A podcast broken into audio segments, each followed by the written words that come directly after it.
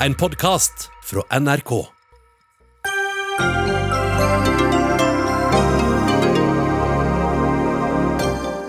Legeforeningen varsler streik hvis arbeidsforholdene for legevaktslegene ikke blir bedre. De er for utålmodige, svarer kommunene.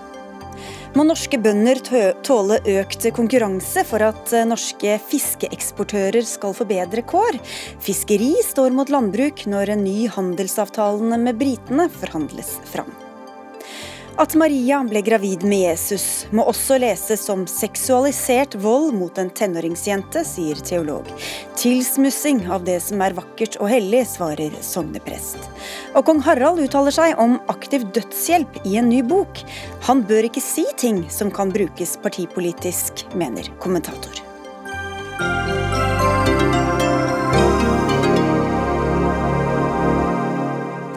Vel møtt til NRK Dagsnytt 18, hvor vi også skal diskutere Norges forhold til Russland og satsingen på hydrogenbiler. Jeg heter Sigrid Solund. Det kan bli legestreik fra 26.10. I natt ble det nemlig brudd i meklingen, men vi tar opp tråden her i Dagsnytt 18 etter at dere slapp den for 17 timer siden. Eh, president i Den norske legeforening, Marit Hermansen, hva var det som var så vanskelig å bli enige om? I år etter år eh, har vi i forhandlingene med KS eh, kommet med tiltak eh, for å begrense den eh, arbeidsbelastningen som legene har i små kommuner. Dette er leger som jobber opptil 100 timer legevakt på toppen av en full eh, fastlegeuke. Og Vi har da i forhandlingene i årevis erkjent problemet, foreslått tiltak, men dette har KS avvist. Så KS tar ikke sitt arbeidsgiveransvar for disse legene. KS organiserer altså kommunene, men hva er det ved dette systemet som gjør at det blir sånn? Eh, vi, eh, I denne avtalen eh, så er det avtalt I en tariffavtale så er det jo nettopp arbeidstidsbestemmende du kan avtale, og der er det avtalt veldig vide unntak fra arbeidsmiljølovens arbeidstidsbestemmelser. Det gjør at kommunene har en blankofullmakt til å pålegge fastlegene ubegrenset antall timer legevakt på toppen av sin arbeidsuke. Og Dette oppleves som en utolererbar arbeidsbelastning. Og vi trenger tiltak nå for å begrense dette. Og Dette gjelder altså de mindre kommunene, ikke der hvor det er store sykehus eller som har egne legevakter? Og der er man mange om å dele på, bygdene, på byrdene. Dette er typisk kommuner med fire, fire fastleger, så blir én syk, og så kommer ikke vigaren. Og da er det to fastleger igjen som har en plikt til å dele på dette. Tor Arne Gangse, områdedirektør for arbeidsliv i KS, altså motpart i disse forhandlingene. Hvorfor er dette et system som dere mener er levelig for disse legene? Det har vi aldri sagt, at det er et levelig system for disse legene. Vi har vært opptatt av å få på plass en bærekraftig legevaktordning for innbyggerne i dette landet. Og Når Legeforeningen tar det utgangspunktet man tar, så skal man huske på hva var historikken bak etablering av fastlegeordninga. Allerede den gangen, i 2001, så, for, så så man jo at dette gikk ikke rundt uten at partene gikk, inngikk avtaler som ga adgang til avvik fra arbeidsmiljølovens bestemmelser om overtid. Og så vet jo vi alle sammen at oppgavene til kommunehelsetjenesten har bare økt og økt og økt. Eh, dermed så opplever legene presset, det har vi stor forståelse for. Men vi har rett og slett ikke rigga systemet slik at vi klarer å løse akkurat dette problemet. Og For KS ville det vært umulig å imøtekomme Legeforeningen sin løsning, for det ville kunne betydd at en, en innbygger i dette landet sto uten tilgang på legevakt. Men er det et levelig system for disse legene? Nei, dette er ikke et levelig system verken for legene eller kommunene. Og Det er jo derfor Legeforeningen sammen med KS har jo bidratt til å utvikle denne handlingsplanen som statsråden leverte i mai i år. Et av de tingene vi var enige om, er at legevakt er en av de store utfordringene for å få dette systemet til å henge sammen. Der ble vi enige om at vi skal sette ned et ekspertutvalg som skal prøve å finne disse løsningene. Så jeg er så skuffa over at Legeforeningen velger å gå til konflikt i den tida vi egentlig burde sitte sammen for å lete etter de gode løsningene. Ja, Hvorfor er tiden inne nå for å rasle med sablene? Dette har vi fremmet i forhandling etter forhandling. Eh, vi har påvist denne høye arbeidsbelastningen. Jeg leste en protokoll fra 2014 hvor akkurat dette var et tema.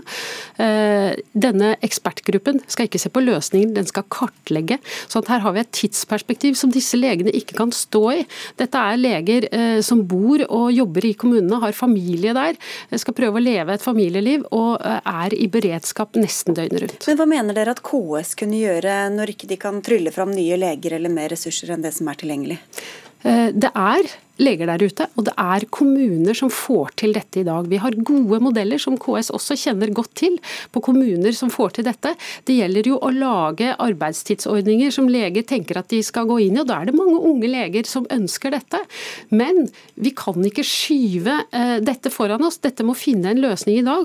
Og det er jo eh, påfallende at KS på vegne av kommunene ikke tar dette arbeidsgiveransvaret overfor disse legene. Ja, du kan få svare, Gangse. Ja, nå hører vi til historien at vi, vi, tok initiativet til etablering av trepartssamarbeidet, som har ført til den handlingsplanen som vi alle sammen har stått bak, og som statsråden lanserte i mai. Og Det gjorde vi ene og alene fordi vi har et ønske om å få løst disse utfordringene. Og Vi løser ikke disse utfordringene i en tariffavtale. Vi er nødt til å få staten med oss i dette samarbeidet for å få på plass en ny løsning for legevakt. Men tror du at ved å innføre andre arbeidstidsregler eller ha færre unntak, da, at det kunne tvunget på plass flere ressurser, når man da synliggjør hvor få leger det faktisk er der ute. Ja, og Derfor så tok vi i denne meglingsrunden også et initiativ til å få på plass utredninger om akkurat dette spørsmålet, og lete etter nye måter å løse disse utfordringene på. Men hvorfor har dere så mye bedre tid enn det Legeforeningen har? Vi har ikke bedre tid enn Legeforeningen. Vi satt sammen i, sam, i det samme møtet bare for en uke siden og vi tok opp én ting overfor for, for, departementet, nemlig behovet for framdrift i den, dette spørsmålet. Ja, og Hva løser det da egentlig for, for situasjonen på bakken, så å si, dersom man bare på papiret får andre, andre løsninger, men fortsatt har de samme ressursene? Men her pekes det på utredninger eh, og, og, arbeidsgrupper og kartlegginger. Det er jo påfallende at KF sier at dette ikke løses i en tariffavtale. Det er jo nett nettopp i en tariffavtale man løser eh, arbeidstid og arbeidsbelastning. Eh, det, det uføre som disse legene eh, står i i dag, er jo kommet nettopp fordi kommunene har en blankofullmakt til å pålegge de ubegrenset antall timer legevakt. Og det kan ikke fortsette lenger. Det må ta slutt. Ja, Det høres jo ut som eh, Legeforeningens president på den ene sida beskriver mange kommuner som virkelig får det til. Det betyr jo at mange kommuner også har muligheten til å få det til. Og så ser vi jo at det finnes kommuner som har begrensa mulighet for å inngå samarbeid, f.eks. med nabokommunen. Nett nettopp pga. store geografiske avstander osv. Så, videre. så jeg tror kommunene virkelig leter etter løsninger. Og vi har avtaleverk også eh, med Legeforeningen, som på en måte skisserer opp ulike typer organisatoriske former for å planlegge nettopp dette uføret som vi er enige om at vi står i. Nå kan det gå mot streik. Hvor mange og hvor skal det i så fall eh, tas ut folk? Eh, streiken eh, vil kunne starte, eller eh, er planlagt 26. Eh, fra 26. oktober. Eh, da meldes streikeuttaket eller fire dager før, og det er det vi er i planlegging for nå. Ok, Dere pekte også på helsemyndighetene. Vi har invitert helseminister Bent Høie. Han takket nei til å komme, men takk skal dere ha for at dere kom til Dagsnytt 18. President i Den norske legeforening Marit Hermansen, og Tor Arne Gangsø, som altså er områdedirektør for arbeidsliv i KS.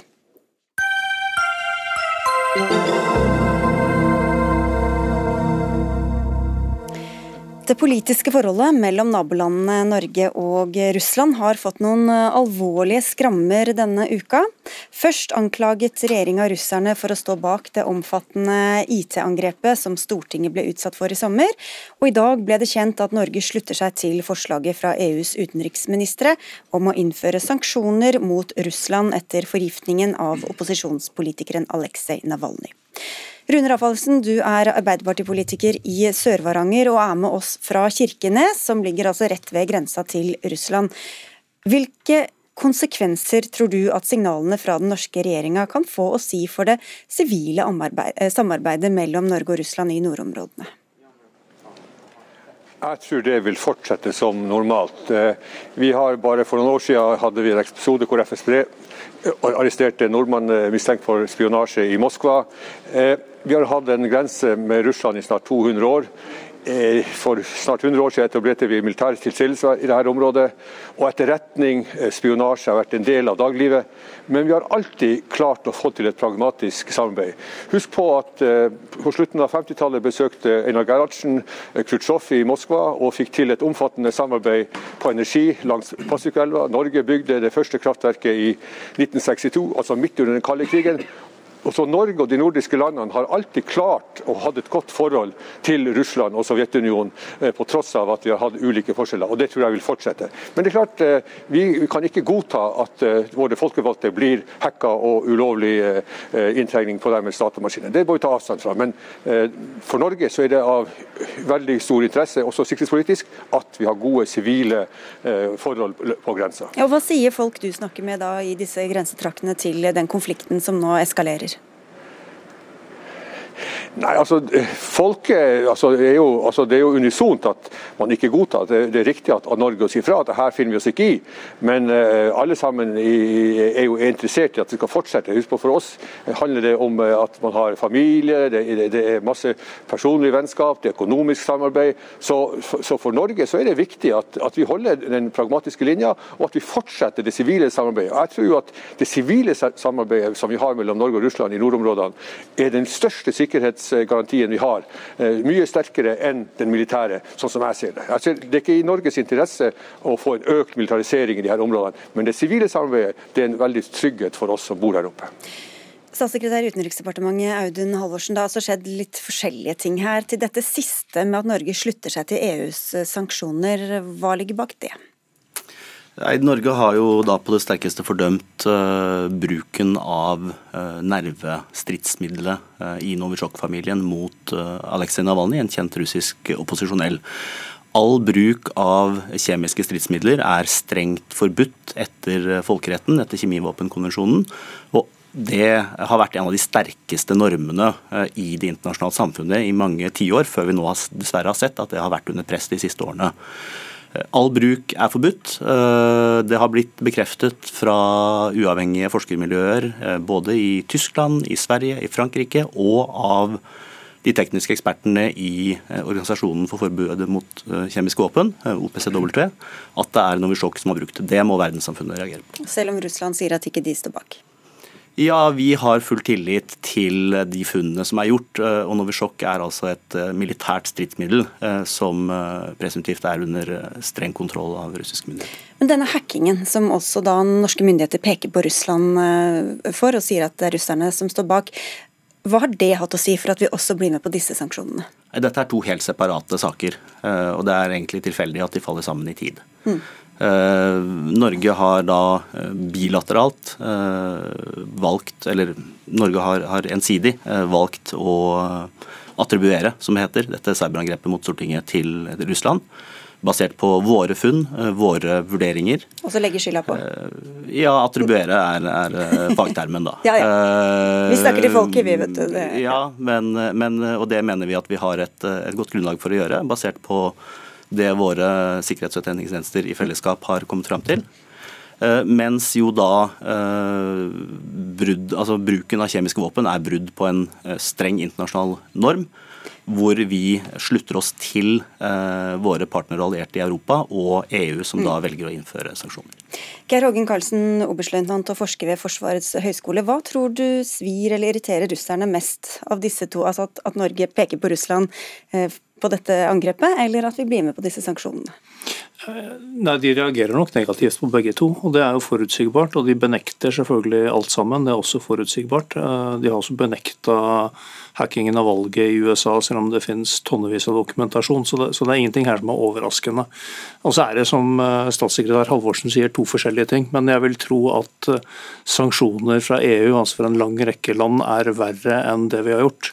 Men nå er jo også normen som med å eksponere de feil som Russland gjør, og peke på de og si at det er de som har gjort dette angrepet, er jo, er jo ikke bare Norge som gjør. Dette har Nederland gjort, Tyskland har gjort det, eh, Storbritannia har gjort det, og USA har gjort det.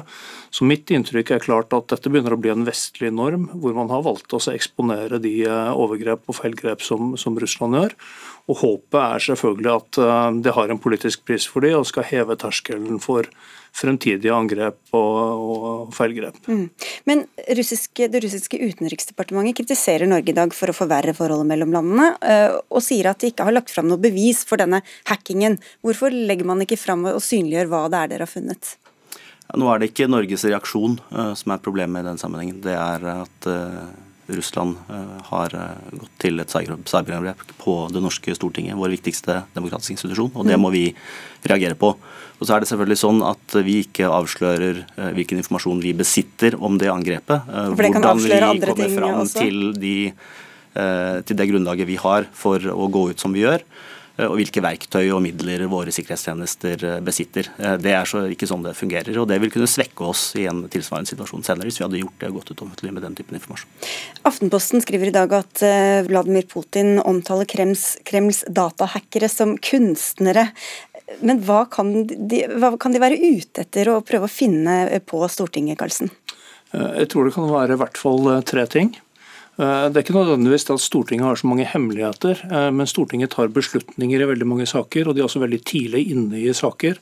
Så saker som rører seg om norsk sikkerhetspolitikk, utenrikspolitikk, nordområder, energi, alt som er interessant for Russland, så skaffer de seg synspunktene og holdningene i forskjellige partier.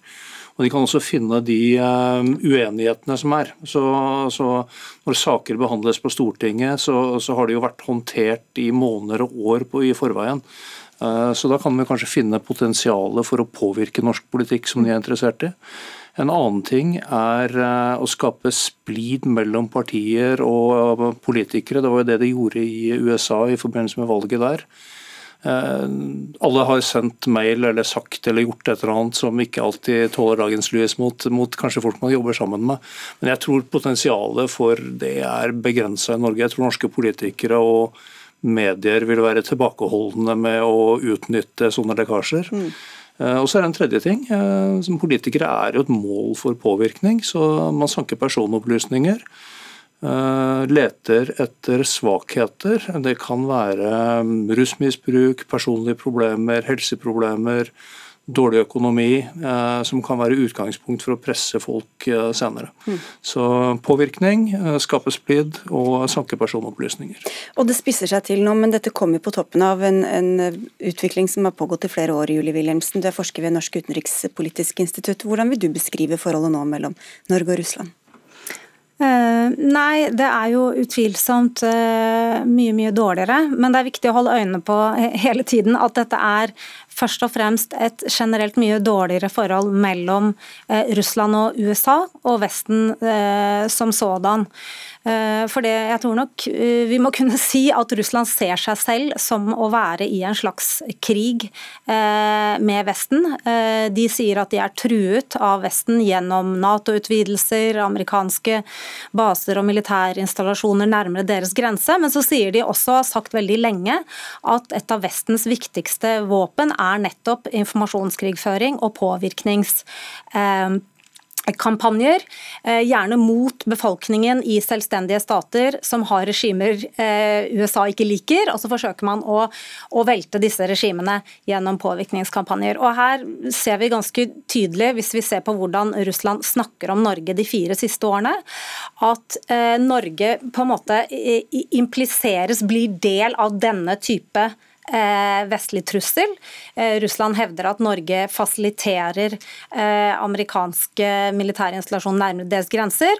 Og Norge har jeg sett nå bare de siste månedene veldig hissige uttalelser fra den russiske prestetalskvinnen i russisk UD, Maria Sakharova, om at Norge på en måte er i forfronten for en slags sånn generell antirussisk kampanje, hvor dette med påvirkning og Eh, innblanding i interne eh, anliggender i Russland ved finansiering av NGO-er osv. Eh, det er et sterkt bilde som tegnes fra Russland, og vi vet også at eh, Russland har en helt eksplisitt eh, strategi, og har hatt det i noen år, om å slå tilbake. Så, så slik de forklarer det, så, så utsetter de nå eh, Vesten for det samme.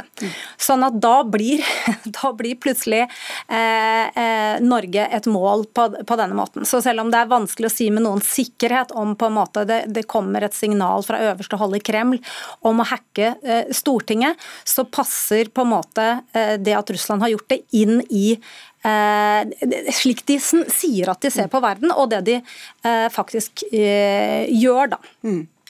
Kanskje? Ja, ehm, Julies beskrivelse av russisk retorikk er jo riktig, eh, men faktaene er jo annerledes enn det russerne legger til grunn. Eh, det er jo ganske fantasifullt å si at Vesten driver informasjonskrig mot Russland. Vi kritiserer riktignok menneskerettighetsbrudd og, og giftmord og andre ting som vi var inne på tidligere her. Eh, ta et eksempel som er veldig aktuelt for oss. Det er jo disse øvelsene. Norske og allierte fartøy og fly har i små forband, noen få fartøy, en sjelden gang operert skal vi si, området nord for Kirkenes. Mens Russland til stadighet gjennomfører store øvelser, 40-50 fartøy og masse fly. 1000-2000 km ned langs kysten vår, helt ut eh, langs Vestlandet. Så Det er liksom, noe, det er liksom ingen realitet bak påstanden om at vi bygger opp militært eller provoserer. Jeg vet ikke om du ville ha en kommentar der, Bjørnsen? Eller? Eh, nei, altså Jeg er helt uh, enig i at uh, at Russland eh, hauser opp og overdriver. og, og på en måte de har, de har, som sagt dette litt paranoide utsynet, og kobler eh, alle bevegelser på vestlig side sammen. Sånn at det blir en del av denne eh, eh krigen. Men jeg, jeg, tror ikke det er noe eh, Det er ikke noe grunn til å ikke være ærlig om at eh, vi har forandret norsk forsvarspolitikk noe i det siste, og at dette kan oppleves som eh, truende fra, fra, russisk side, rett og slett fordi at de har eh, sine eh, viktige militære installasjoner i nordområdene, og har sagt helt eksplisitt at de frykter spesielt et økende amerikansk nærvær i nordområdene. Så det er ikke å, å godkjenne at noe av det Russland gjør er riktig, men det er bare å forholde seg veldig realistisk til hvordan det ser ut fra andre siden, at vi er her mellom to, to stormakter, faktisk. Ja, hvis du skal komme til, må være veldig kort, Karlsen. Bare si at den bitte lille militære militære oppbygging. vi har i Finnmark f.eks. noen få hundre soldater eller noen få fartøy og fly fra Amerika, England og Nederland som øver her oppe, er veldig lite og veldig sen reaksjon på eh, russisk oppbygging. Men eh, bare til slutt her, Julie Wilhelmsen. Vi hørte fra, fra, Kirkenes her det viktige sivile samarbeidet også. Hvordan skal norske myndigheter klare å opprettholde det, og samtidig vise muskler storpolitisk mot, eh, mot Russland? Det er helt klart en utfordring, og det er jo det vi har sett de siste fem årene. At eh, sikkerhetspolitikken på en måte kommer og overskygger og, og dominerer eh, utenrikspolitikken, som jo egentlig er mye bredere enn bare sikkerhetspolitikken. Samtidig så vil jeg jo si at eh, både på norsk og faktisk på russisk side også, ofte på lavere nivå, så er det eh, ganske sterk interesse for å fortsette å opprettholde det samarbeidet man har, f.eks. på fiskeri og søk og redning osv. Så, videre. så det, det, det, går på en måte an å, å, fortsette å holde disse to tingene fra hverandre, selv om det begynner å bli vanskelig. Ja, Om ikke dere må tale med to tunger, så må dere tale med mange tunger, eh, eller hva er Halvorsen? Ja, altså vi, vi, må engasjere bredt der vi kan, og vi må unngå å bli fanget nettopp i dette narrativet som egentlig da beskrives fra, fra de to sidene. Uh, og Det er jo årsaken til at denne regjeringens politikk er veldig tydelig. På den ene siden så er vi tydelige der vi må være tydelige. Vi må reagere på russiske folkerettsbrudd. Vi må Eh, øke vår egen militær tilstedeværelse vår egen situasjonsforståelse i nordområdene i lys av en militær, russisk militær styrkeoppbygging på den ene siden. Men samtidig så ønsker vi jo et så godt forhold som mulig. Eh, og Det betyr ikke minst å opprettholde og forhåpentligvis fortsette å styrke eh, mange av disse båndene som nettopp Rafaelsen peker på. Mm. Altså Det sivile samarbeidet over grensen i nord og samarbeid om viktige spørsmål av gjensidig interesse. Miljøvern, atomsikkerhet, folk-til-folk-samarbeid som gode eksempler. Vi skal avslutte, men Det høres ut som mye ansvar blir lagt på deres skuldre her også, Rune Rafaelsen i eh, Kirkenes. Ja, altså, Jeg slutter til det som, som Halvorsen sa. og og Vi må jo bare fortsette å få til et eh, pragmatisk forhold. og det er klart De storpolitiske og distriktspolitiske eh, elementene er jo blitt mye kraftigere. og Det skjedde jo en endring etter annekteringa av Krim i mars 2014. Inntil da hadde vi jo jobba i medvind, og nå har vi en motvind, og den motvinden blir kraftigere. Men da tror jeg det er viktig at Norge bruker det her muligheten til også å få til et pragmatisk samarbeid med Russland. For at Russland har jo masse store utfordringer, spesielt overfor Kina. De dominerer der. Så jeg tror at når det gjelder maritimt samarbeid, næringssamarbeid, så er det masse ting vi kan gjøre i samarbeid med Russland, på tross av at vi har ulikheter når det gjelder tilnærminger til mange forskjellige ting. Det er de berømte to tankene i hodet samtidig. Takk skal dere ha for at dere kom og delte deres eh, både fra Sør-Varanger, Rune Raffelsen, til Audun Halvorsen, statssekretær i UD, Geir Håkon Karlsen fra, eh, fra Forsvarets høgskole og Julie Wilhelmsen fra NUPI. Hør Dagsnytt 18 når du vil. Radio nrk.no.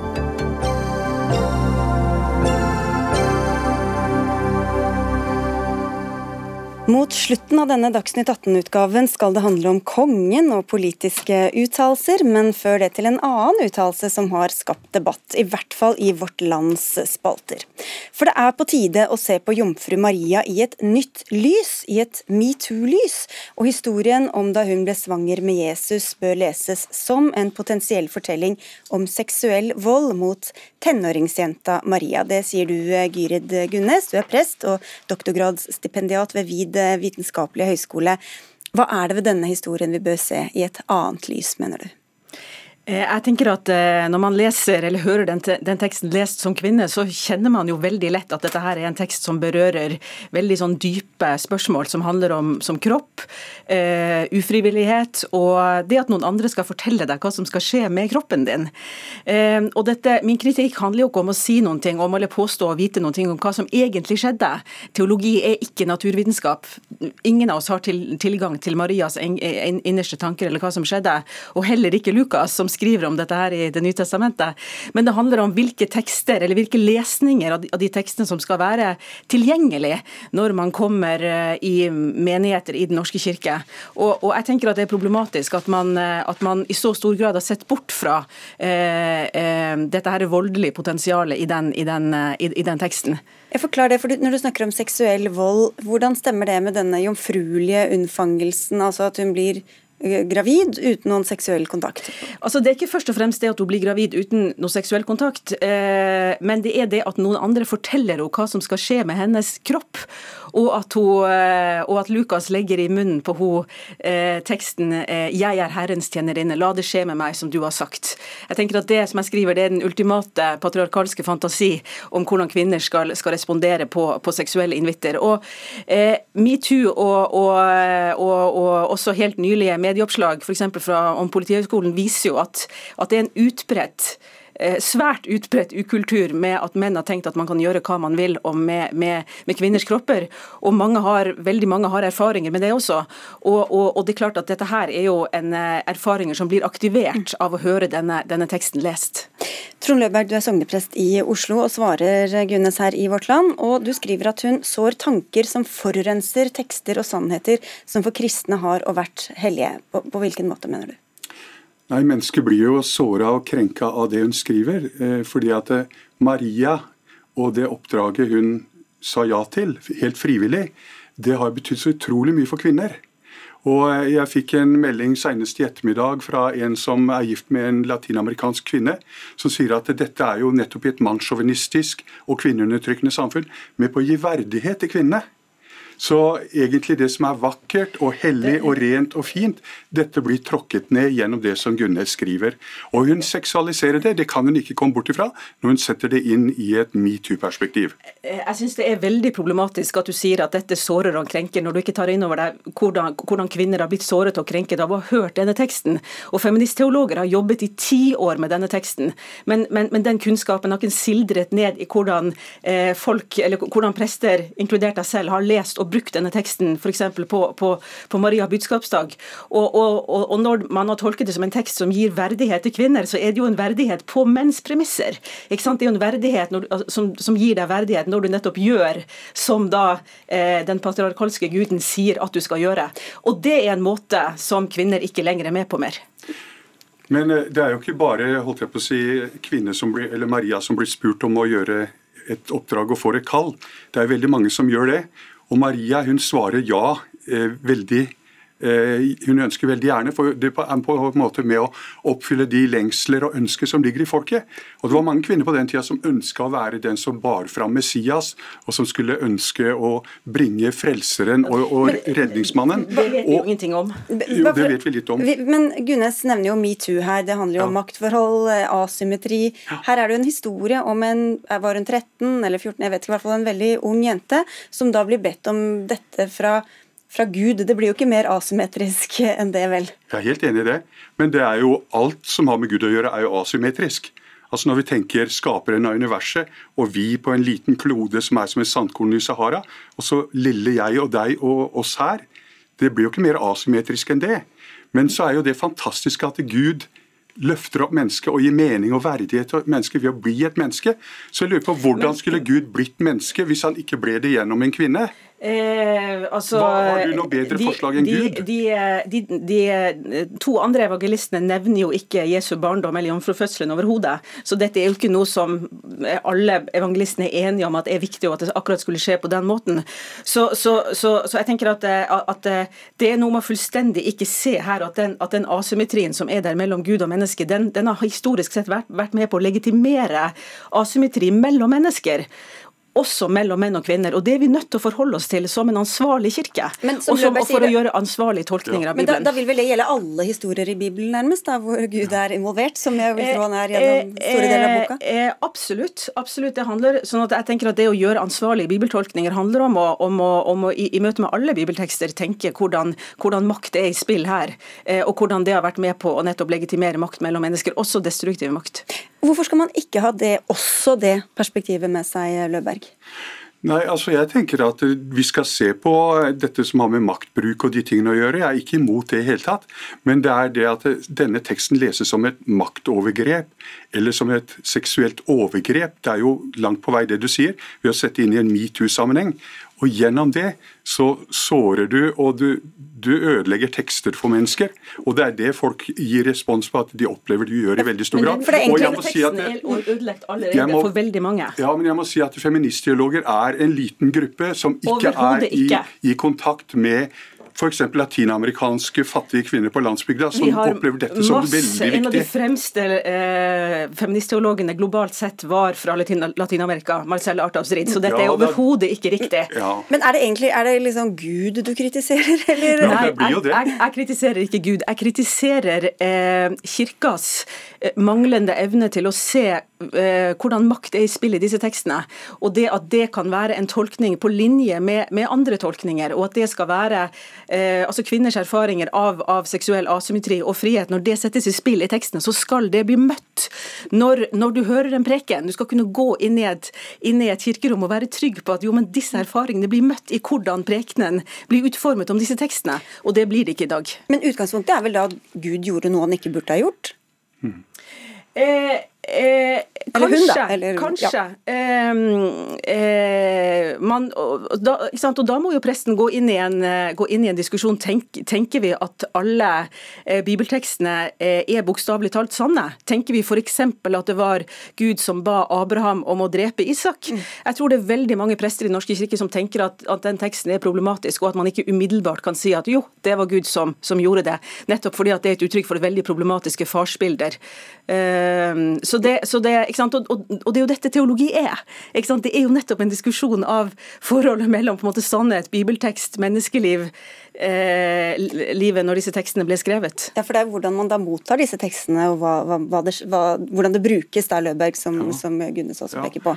Ja, da, og Jeg sier ikke at alle har brukt det på riktig måte, men sånn som det forstås av veldig veldig mange. og jeg mener at Gunnes er ekstrem i det hun sier. På ingen og, måte. Jo, du nei, er det. Nei, nei, nei, Og at, eh, at, Kirken som sådan, og de aller, aller fleste kristne, vil tolke dette som noe positivt.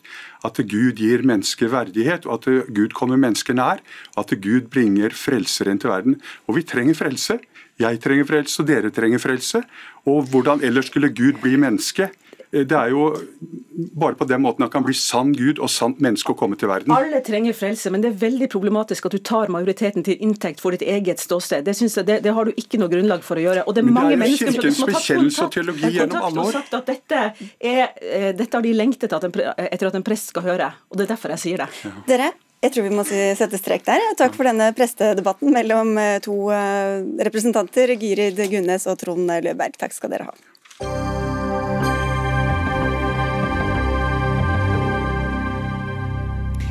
Nå til noe helt annet, som det heter. Kanskje må den norske gulosten regne med å bli utfordret av britiske oster som Stilton og Wensleydale når den nye handelsavtalen mellom Norge og Storbritannia blir framforhandlet. I så fall kan norsk sjømat regne med langt bedre markedstilgang enn i dag hos britene. Det kan i hvert fall bli resultatet av de pågående forhandlingene mellom de to landene. Fordi Storbritannia fra årsskiftet ikke lenger er en del av EU, inngår Norge en egen og ny handelsavtale med britene. Og da håper dere på langt lavere toll på norske fiskeprodukter enn det vi har til EU i dag, Kristin Alnes. Du er fagsjef for industri i Sjømat Norge. Hva ved dagens handelsavtale håper dere å gjøre om på? Ja, har store forhåpninger til, eh, til, denne avtalen mellom Storbritannia og Norge. Eh, I utgangspunktet så er jo det en stor utfordring for næringslivet at Storbritannia har valgt å forlate EU. Men vi ser noen muligheter for sjømatnæringa, og de vil oss gjerne at norske myndigheter benytter seg av. Eh, utgangspunktet her er jo at vi har en stor sjømatnæring og en stor eksportnæring, men den er dårlig ivaretatt gjennom EØS-avtalen, som regulerer handelen med Storbritannia i dag. Ehm, kort fortalt betyr det at nesten all eksport som vi sender av gårde, møter toll. 75% av eksporten vår møter toll i EU-markedet. I tillegg så er det en rekke bearbeidede produkt som vi ikke er konkurransedyktige med, og som vi ikke kan eksportere til EU fordi de har så høye tollsatser. Og, og det her har jo tappa norsk fiskeindustri og Norge for industriarbeidsplasser over år. Det som vi håper nå, er jo at når Norge nå forhandler, at det blir gitt en åpning, når Norge nå forhandler med Storbritannia, til at vi kan forbedre noen av disse vilkårene, slik at det blir litt enklere å drive bearbeiding og skape verdier i Norge av fisken vår. Men da er det jo da som i alle forhandlinger om at man må gi og man må ta, og i en annen primærnæring, nemlig landbruket, er det bekymring for tøffere konkurranse fra britiske landbruksvarer på det norske markedet, da i bytte mot lavere toll for norske fiskeprodukter. Lars Petter Bjartnes, leder av Norges Bondelag, hva er det dere frykter her? Den debatten som har blomstra de siste dagene, eh, det er at eh, havbruksnæringa og fiskerinæringa har eh, gjort en kobling mellom landbruksinteressene og fiskeriinteressene, gjør jo oss veldig bekymra. Vi mener jo at eh, landbruksproduksjon i Norge er blitt veldig eh, mye debatt rundt, fokus på og interesse for, eh, i og med at vi ser hvor avhengige vi er av matsikkerhet og matproduksjon i de tider, koronatidene vi har. Det andre er jo at det gjøres en kobling mot arbeidsplasser. Eh, og at man skal øke fiskeeksporten, eh, det er jo vi ikke imot. Men at man skal gi på landbruk for å få sysselsetting i fisk, det er jo det samme som at man gir bort arbeidsplasser i landbruksverdikjeden, altså primærnæringa, og ikke minst foredlingsindustrien. Men Hvorfor er det så farlig om det kommer noen flere britiske produkter i norske butikker? Du vet at eh, Det norske landbruksmarkedet er allerede pressa av import. Gang på gang når regjeringa forhandler frihandelsavtaler, så gir man litt på landbruk landbruk. Det har skjedd i artikkel 19-forhandlingene, det skjedde sist også i forhandlingene med Mercosur-landene. Brasil, stort landbruksland, fikk økte importmuligheter til Norge. Og nå er vi nok en gang der at eh, man eh, vurderer å gi på norske landbruksinteresser for å oppnå noe i annet næringsliv. Norsk matproduksjon er viktig i forsyningssammenheng og i sysselsettingssammenheng. Men ut fra det Bartnes sier her, Alnes, så høres det ut som dere også er skyld i å sette disse næringene opp mot hverandre. Hvorfor må man lage en slags konkurranse her? Ja, jeg tror vi bare må leve med at Bondelaget tar den innfallsvinkelen der. Eh, dette er jo langt utenfor vår kontroll. Det foregår forhandlinger som du sier, mellom Norge og Storbritannia. Eh, der er det slik at Norge har offensiv interesse på sjømat. Det skulle bare mangle. Vi er verdens nest største eh, eksportnasjon av sjømat. Så er det slik at motparten, Storbritannia, krever da motytelser i form av bedre markedsadgang på norsk landbruksområde. Og Dette er jo fullstendig utenfor vår kontroll, og, og det er jo på en måte ikke en konflikt som, som verken oss eller Bondelaget er interessert i eller er skapt. Mm. Men vi må jo erkjenne at det er slik det er. og Da må vi også være tøffe nok til å gå inn og gjøre vurdering av hva er Norge tjent med i denne sammenhengen. Ja, og da, for, å, for å fange opp det da, ja, Unnskyld at jeg avbryter deg, men bare for å spille opp akkurat det. fordi Hvis Norge da må velge mellom disse næringene, hvorfor er det da viktig å, eller riktig å vekte sjømatnæringa tyngst, sånn som dere ser det?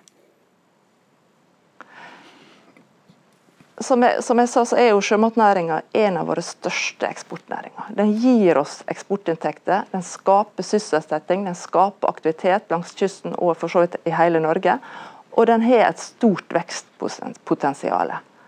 De fleste politiske partier peker nettopp på sjømatnæringa som det som skal være en av bærebjelkene framover for å sikre velferden i Norge.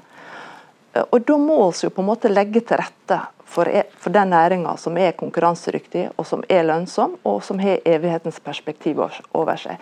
Det ville være ganske råflott om Norge ikke velger å legge til rette for konkurransedyktige næringer. Det, det, vil være en veldig merkelig situasjon. Og Hva skal bøndene stille opp med da, Bartnes, mot denne eksporteventyret? Vi har allerede eh, en helhetlig verdikjede basert på norsk landbruksproduksjon. Foredlingsverdikjeden eh, og produksjon står for 90 000 arbeidsplasser i dag.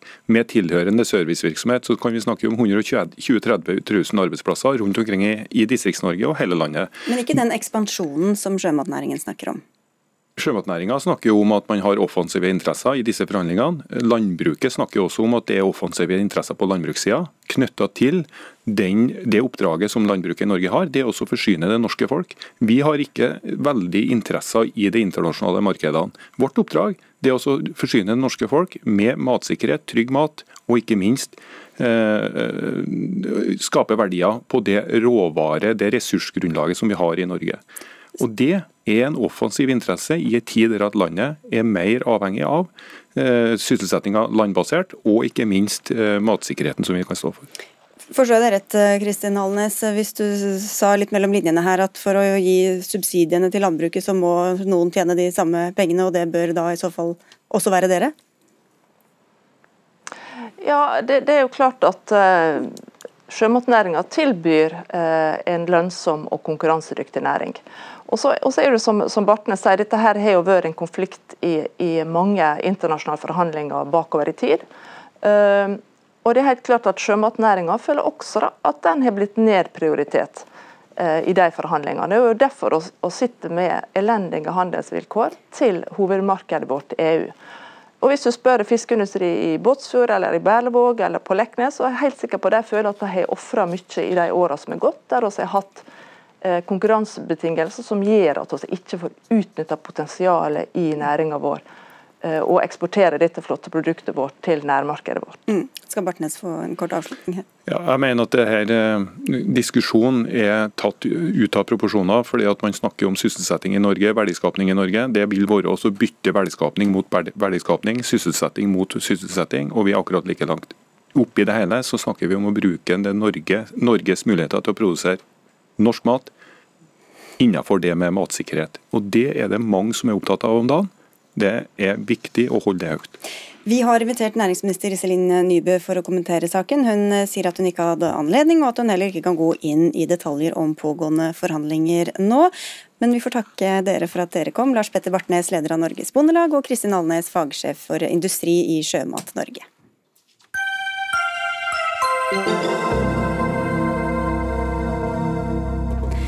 Nullutslippsbiler er framtida, det er vedtatt politikk, men hvilken teknologi er den beste? Elbiler leder soleklart på det norske markedet, men bør de konkurrere med hydrogen som løsning også for personbiler? Absolutt ikke, skriver du i Teknisk Ukeblad Ask Ibsen Lindahl i Miljøpartiet De Grønne, men hvorfor ikke? Ja, Skal vi nå eh, klimamålene internasjonalt, så er en av de viktigste måtene å gjøre det på gjennom energieffektivisering. Når vi produserer hydrogen fra elektrisitet, så taper vi veldig mye av den energien på veien til eh, varme som vi ikke får nyttegjort oss av. Derfor mener jeg og, og Miljøpartiet De Grønne at vi bør forbeholde hydrogen til de områdene hvor vi absolutt ikke har andre alternativ for å kutte utslipp.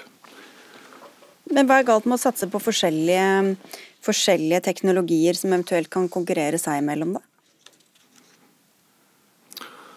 Ja, altså, Her er vi jo nede på fysikken. Jeg har tatt med en liten uh, figur her. For dere som hører på, så er det en figur som viser fire vindturbiner. Eller fire havvindturbiner, faktisk. Hvis vi tar den energien som de her turbinene hvis vi tar den energien som de her turbinene produserer, og vi lar den gå til hydrogenproduksjon, så taper vi energi tilsvarende ca. tre av de turbinene. Hvis vi greier å nyttiggjøre oss den energien i form av elektrisitet i f.eks. et batterielektrisk kjøretøy, så får vi igjen ca. Denne andelen av eh, energien, mm. ca. tre fjerdedeler. Så Poenget er ikke det at man er mot hydrogenbiler eller hydrogen i seg selv, det er bare at vi bør ikke legge til rette for sløsing med energi når det er et av de viktigste tiltakene vi kan gjøre for å nå klimamålene, er å kutte den sløsinga. Veldig imponerende hjemmesnekret eh, figur der. Jeg lurer på, hva Har du med deg noe, Marius Holm? Du er leder i miljøorganisasjonen Zero? Takk. Ja, nei, jeg har ikke med det, men Da tapte du debatten med en gang. Det gjorde jeg nok der. Men jeg tror jo at uh, altså, Lindahl og MDG baserer seg jo her på en hypotese om at batterier kan erstatte absolutt alle eh, områder i transport hvor vi bruker olje, altså diesel og bensin i dag. Og Det er en hypotese som kan være riktig, men det vet ikke MDG, og det vet ikke Lindahl. Eh, det er en ganske svær jobb å erstatte olje og diesel og bensin da, ikke bare i liksom helt vanlige personbiler. Sånn. Altså jeg kjører jo elbil sjøl, jeg kommer aldri til å kjøre noe annet fordi elbil er helt genialt. Men det finnes veldig mange forskjellige behov der. Og Tanken om at det vil komme batterier som kan gjøre absolutt alle jobbene som olje gjør i dag, og at vi klarer å produsere nok batterier fort nok til å erstatte all olje som vi bruker i transport i dag, ja, det er en hypotese som har en del usikkerhet ved seg. Og jeg synes det, Derfor det er veldig rart at MDG velger å basere politikken sin på en hypotese. Altså, Vi skal bli kvitt fossil energi, og da ta sjansen på at den ene løsningen utvikler seg så mye teknologisk de neste ti årene, og eh, volummessig de neste ti årene, at den kan erstatte alt. At det er en, det er en risikabel strategi. Alt på én hest, eh, Lindahl? Eh, nei, det stemmer jo ikke helt. Jeg regner med Marius Holm leste eh, kronikken min. og Det jeg sa, at hydrogen har absolutt sin plass. Og Det er jo litt av poenget at når vi først skal produsere hydrogen, så bør det gå til de områdene hvor det ikke finnes reelle alternativ. For eh, normale passasjerbiler i dag, så har vi et glimrende alternativ i den framveksten av elektriske biler vi ser. Og så var det jo opprinnelig Toyota vi gjerne skulle ha snakka med i dag. fordi mm. den strategien de legger til grunn, er en, en, faktisk levetidsforlengelse av forbrenningsmotoren. Ja, For de kommer med hydrogen, nye hydrogenbiler. Men, men uh, ja, ja. Det er litt, litt, uh, litt uh, forsinkelse her. Men, men, hvorfor tror du ikke at den teknologien, den hydrogenteknologien som da brukes på større fartøy, at den også etter hvert kan brukes på personbiler? Jo, men Det er ikke den veien vi skal gå. Altså, Teknologien finnes der i dag. Hvis man mener at f.eks. tungtransport eller hvis man mener at skip eller etter hvert fly skal gå på hydrogen, så er det jo det vi skal satse målretta på å si at vi nå skal dytte fram personbiler som skal gå på hydrogen, er et blindspor som også representerer en avsindig sløsing med energi som vi kunne ha brukt på en mye bedre måte. Ja, vi skal, jo, vi skal, jo, satse på hydrogen for å være sikre på at vi klarer å få nullutslipp i særlig tungtransport og, og skip. Og, og, så er det jo sånn at Når vi først bygger en fyllestasjon for å fylle en lastebil, så koster ikke den fyllestasjonen noe mer hvis den er åpen for å fylle noen få, personbiler. Og Hvis vi ser på elbilmarkedet i dag, så er jeg helt enig med at det, ja, det er et fantastisk produkt. Jeg kommer aldri til å kjøre noe annet enn elbil, men det, folk har forskjellige behov. Og Vi ser f.eks. at de største kassebilene med batteri de har ganske kort er mye kortere enn personbilene, fordi de er tunge og de skal kunne ta et tungt lass. Og skal kunne trekke en tung tilhenger. Så eh, jeg håper jo egentlig at Lindahl har rett i at hypotesen MDG baserer politikken sin på, blir slår til. Men det er veldig mange usikkerhetsfaktorer her, og kostnaden med å holde flere alternativer åpne, kostnaden med å eh, la med å bygge en infrastruktur for hydrogen, den er ikke stort mer enn vi bruker på, liksom, på, på et par dager med momsfritak på elbil. Det er småpenger, det er snakk om et par hundre millioner for å bygge en basisinfrastruktur. Så kostnaden med å holde den tingen åpen, det, det, det er nesten ingenting. Men det er vel gått stikk motsatt vei, egentlig. Hvis du har privatbil som går på hydrogen i dag, da må du lete ganske lenge for å få fylt. Ja, altså, Hydrogenbiler er en ny ting. Eh, man har eh, snakket om det i mange år, men det er først de siste par årene at det har kommet to eh, bilmodeller som er serieprodusert. Og de har allerede, mens elbilen nå har vært under utvikling i ti år, så har hydrogenbilen som nettopp ble lansert, den har rekkevidde som en bensin-dieselbil, lenger enn de beste elbilene, og den fylles på to minutter, og den koster omtrent det samme som en, som en elbil. Så det er et ganske bra alternativ, og det kommer til å skje en enorm teknologiutvikling, teknologiutvikling som gjør at energieffektiviteten også på hydrogen blir mye høyere. Men det viktigste det er at vi må ha løsninger som dekker alle de behovene olje dekker i dag. Og Da er det, da er det lett og slett for risikabelt å tro at batteri kan løse absolutt alt. Ja, så har liksom Satse på elbiler, men å ha også et tilbud til de som trenger å lade eller fylle kortere tid og kjøre lengre av gangen, Lindahl? Altså, jeg tror jeg tror Marius Holm tolker meg litt i verste mening her. Jeg har vært ganske tydelig på at vi skal ha uh, hydrogen til de stedene hvor vi ikke har andre alternativ. Men poenget her, og som vi på en måte går tilbake til, er at du får ikke gjort noe med den dårlige virkningsgraden. Altså Uansett hvor god den teknologien potensielt blir, så er de termodynamiske grensene der at du aldri vil få til en særlig mye bedre energiutnyttelse. Og det gir ingen mening at vi skal subsidiere eller støtte sløsing med energi. Ok, Veldig veldig kort på slutten. Ja, for, for det første så blir energieffektiviteten mye bedre. og for det andre sånn, Det har ikke hindra nesten alle mennesker i verden i å velge en diesel- eller bensinbil, som er mye dårligere effektivitet. Vi skal få folk vekk fra det. og Da må vi ha løsninger som funker for alle. Vi kan ikke være sikre på at absolutt alle er komfortable med én løsning som har veldig mange fordeler, men dessverre også noen ulemper. Det får bli siste ord i denne debatten. Takk skal du ha, Marius Holm fra Zero og Ask Ibsen Lindahl fra Miljøpartiet De Grønne.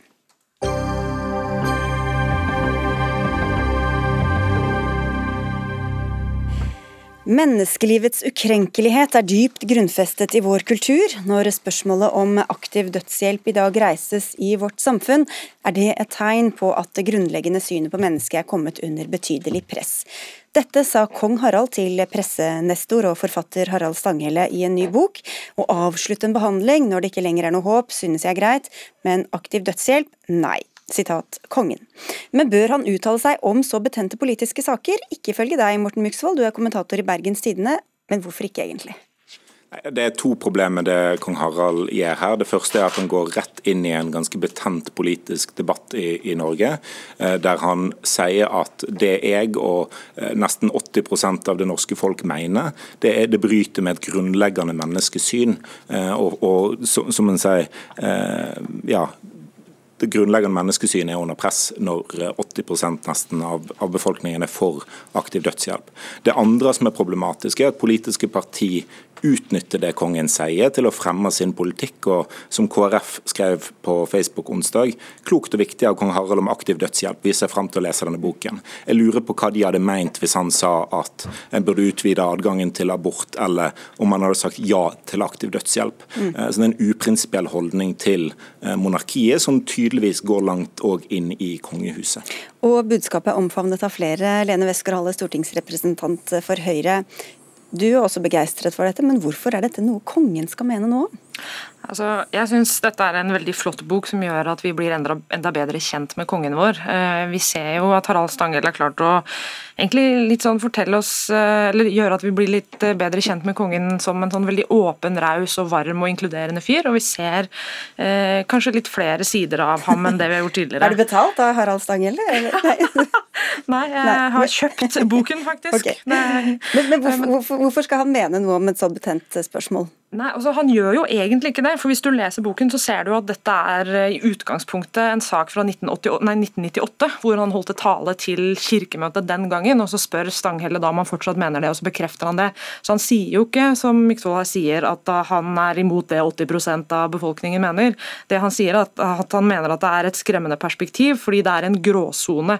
Og det er vanskelig da for menneskesynet. og det er jo ikke, eh, Jeg forstår at noen kan mene at kongen ikke skal eh, ha politiske holdninger eller, ha ting som, eller mene noe om det som kan ligne på politikk. Men samtidig så har vi jo gjort det i mange år. Da. Alle kongene våre har gjort det. Altså Kong Haakon han mente at vi ikke skulle være nøytrale under første verdenskrig, og kom jo i klinsj med statsministeren på den tiden om det. Mm. Kong Olav pitchet i 1982 i nyttårssalen begrepet 'våre nye landsmenn', fordi han mente vi ikke var rause og inkluderende nok overfor innvandrere. Og, og Olav var jo egentlig ganske, Kong Olav var jo ganske reservert, mens kong Harald har jo vært veldig åpen på godt og vondt, og ment mye om både klima, miljø, om innvandring, om eh, mobbing, om utenforskap. Så dette er jo ikke noe nytt. Jeg tror mm. bare at eh, folk som da er uenig med kong Harald i saken, nå reagerer fordi de er uenige med det han står for, og ikke at han mener noe politisk. Men for å ta det første først, da, Miksol, Hva er den store forskjellen på å snakke om menneskelivets ukrenkelighet og det å ytre bekymring for rasisme eller klimaendringer f.eks.? Det går mye mer rett inn i en debatt som, som pågår i, i, norsk offentlighet i dag. og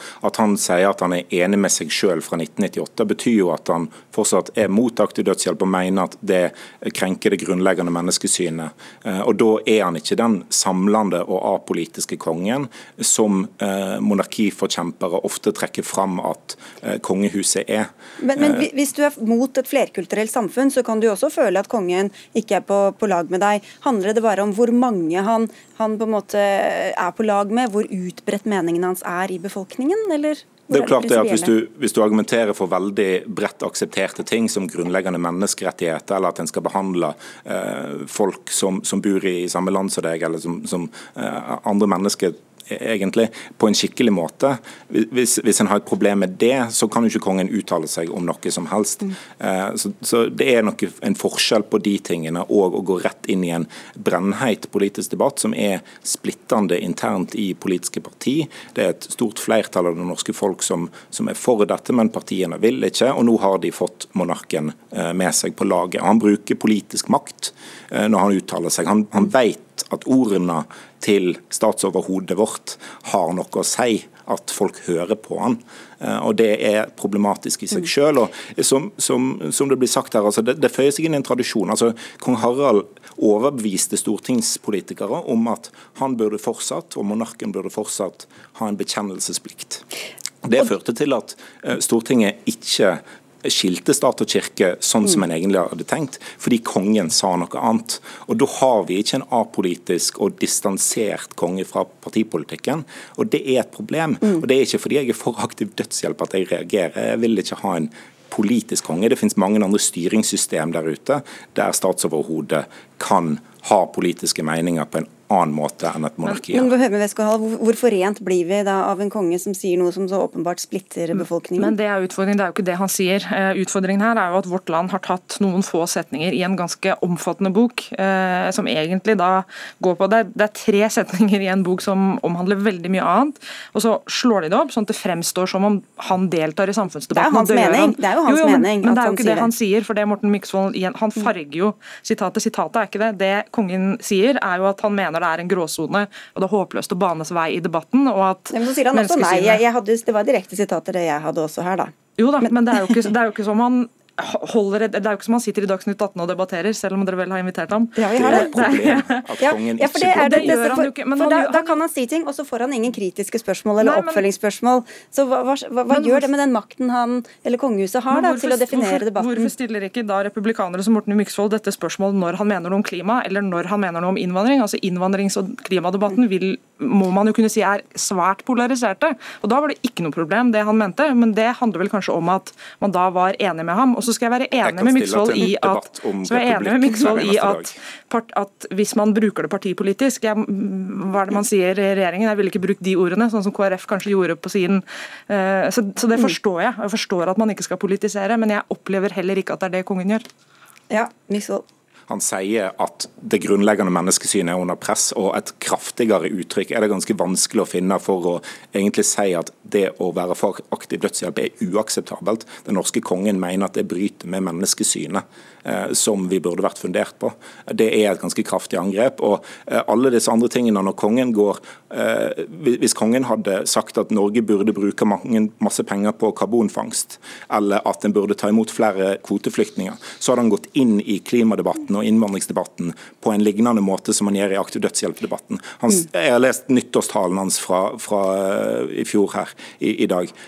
og det er veldig lite konkret der. Mm. Han sier at vi er et tillitssamfunn, vi må passe på at det ikke Det er litt rundere formuleringer. Vi må avslutte straks. Rundt.